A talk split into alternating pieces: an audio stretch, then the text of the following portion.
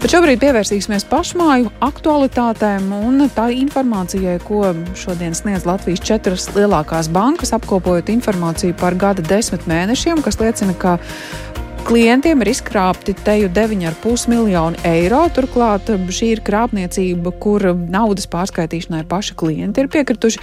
Izrādās, ka oktobrī izkrāpto līdzekļu apmērs 1,4 miljoni eiro bijis ievērojami lielāks nekā citos mēnešos, un arī par to sarunāšos ar Bankas Citadela informācijas tehnoloģiju drošības daļas vadītāju Roberts Birzgals ir pie mūsu tālruņa. Labvakar! Labvakar. Varam vispirms uz to oktobri paraudzīties un mēģināt izprast, kas noticis šai mēnesī, kāpēc krāpniekiem pēkšņi ir veicies krietni vien labāk?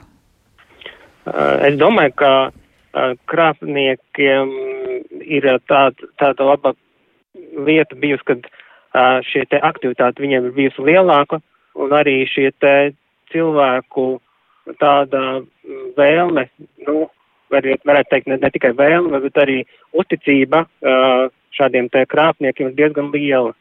Vēl arī jāņem vērā, ka uh, gada nogale īstenībā ir, uh, ir uh, saistīta ar to, ka ar lielāku šo te krāpnieku aktivitāti.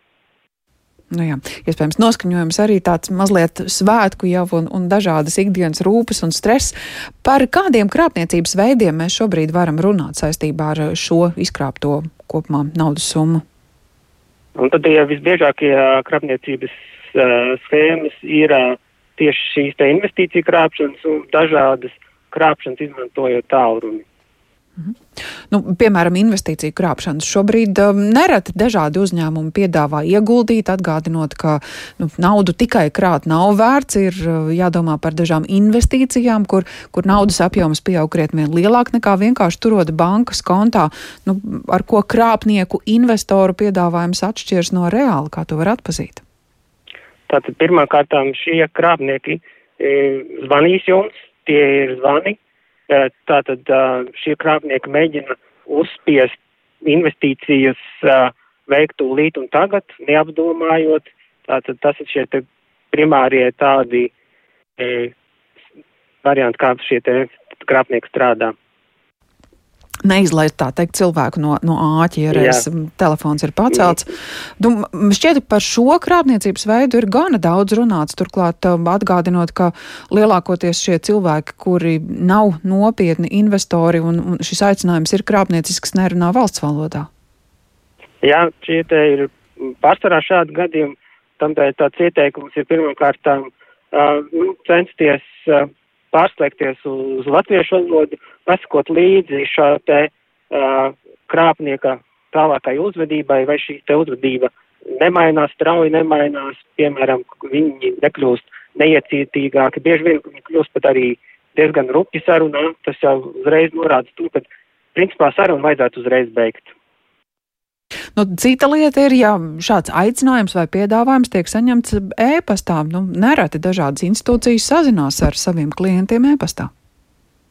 Uh, tad ir jāpārbauda, vai šī te uh, iespējamais ieguldījuma brokers ir reģistrēts uh, oficiāli, ir jā, jāpieņem, jāpārjautā sev, vai tiešām es esmu gatavs investēt, vai parunāt ar kādu sev zinām cilvēku par to, vai kas ir šīs investīcijas, vai šīs investīcijas ir piemēram, piemērotas man.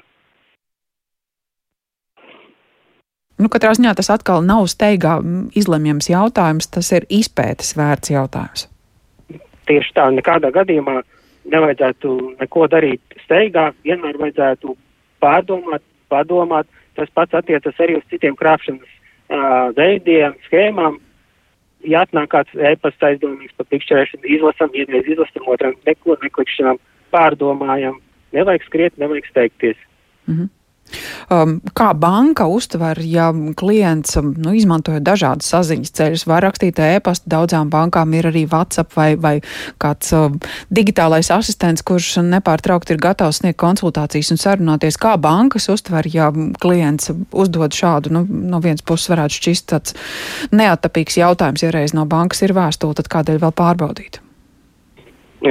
Tātad, ja mēs saņemam kādu ziņojumu no mūsu klientiem par kādu nu, jautājums par kādu konkrētu investīciju platformu vai kaut ko, mēs esam gatavi atbildēt arī vai par šī te lietas, nu, pareizumu, nepareizumu, ko darīt tālāk.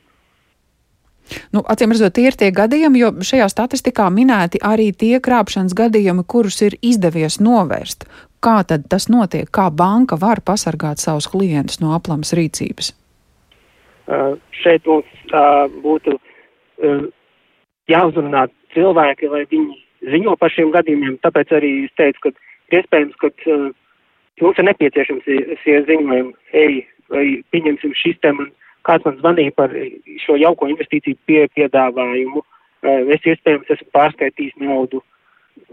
Šis viss, uh, ja jūs ziņojat, dod mums papildus iespējas uh, reaģēt, uh, bloķēt un rīkoties. Tā tad ir arī gadījumi, kad jau pārskaitīto naudu cilvēks var atgūt, ja tā ja izrādās krāpnieka, vai nu tomēr jārēķinās, ka, ka tā ir nezaudēta un, neat, zaudēta un neatgūstama? Tā visticamāk ir zaudēta nauda, bet e, jāatcerās viens, jūs ziņojat ne tikai bankai, bet ziņojat arī policijai. Tā ir banka, kas ziņo policijai par šo gadījumu, vai arī pašam bankas klientam ir jāvēršas ar šo iesniegumu?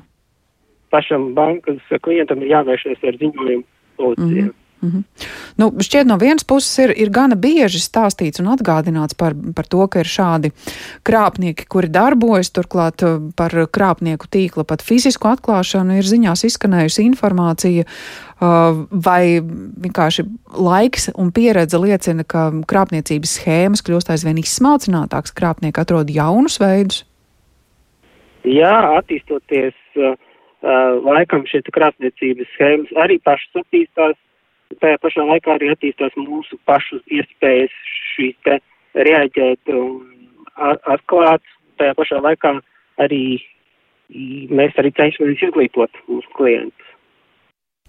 Tad līdz ar to šobrīd tāds nu, populārākais uh, krāpnieku veids, kā mēģināt cilvēkus uh, uzrunāt, jūs sacīt, ka tas aizvien ir telefonssarunas.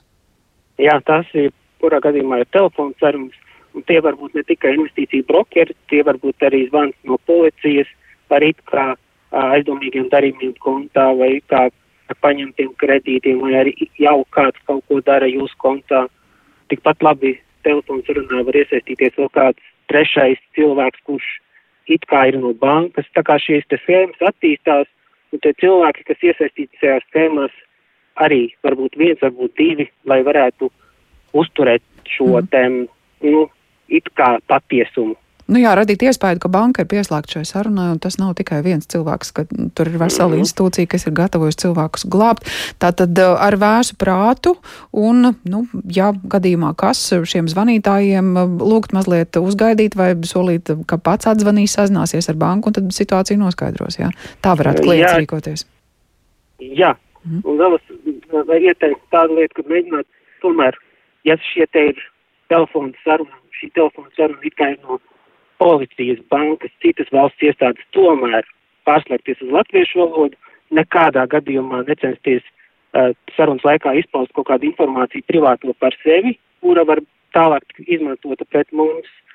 Un, ja mums ir kaut mazākās aizdomas par to, ka šis ir krāpnieks, vienkārši liekam nost, pārzvanam bankai vai arī kādai citai iestādē par oficiāliem telefonu numuriem un uzskaidrojam lietas būtību. Mm. Skaidrs. Paldies par šo atgādinājumu Bankas citadela informācijas tehnoloģiju drošības daļas vadītājiem Robertam Birzgalim.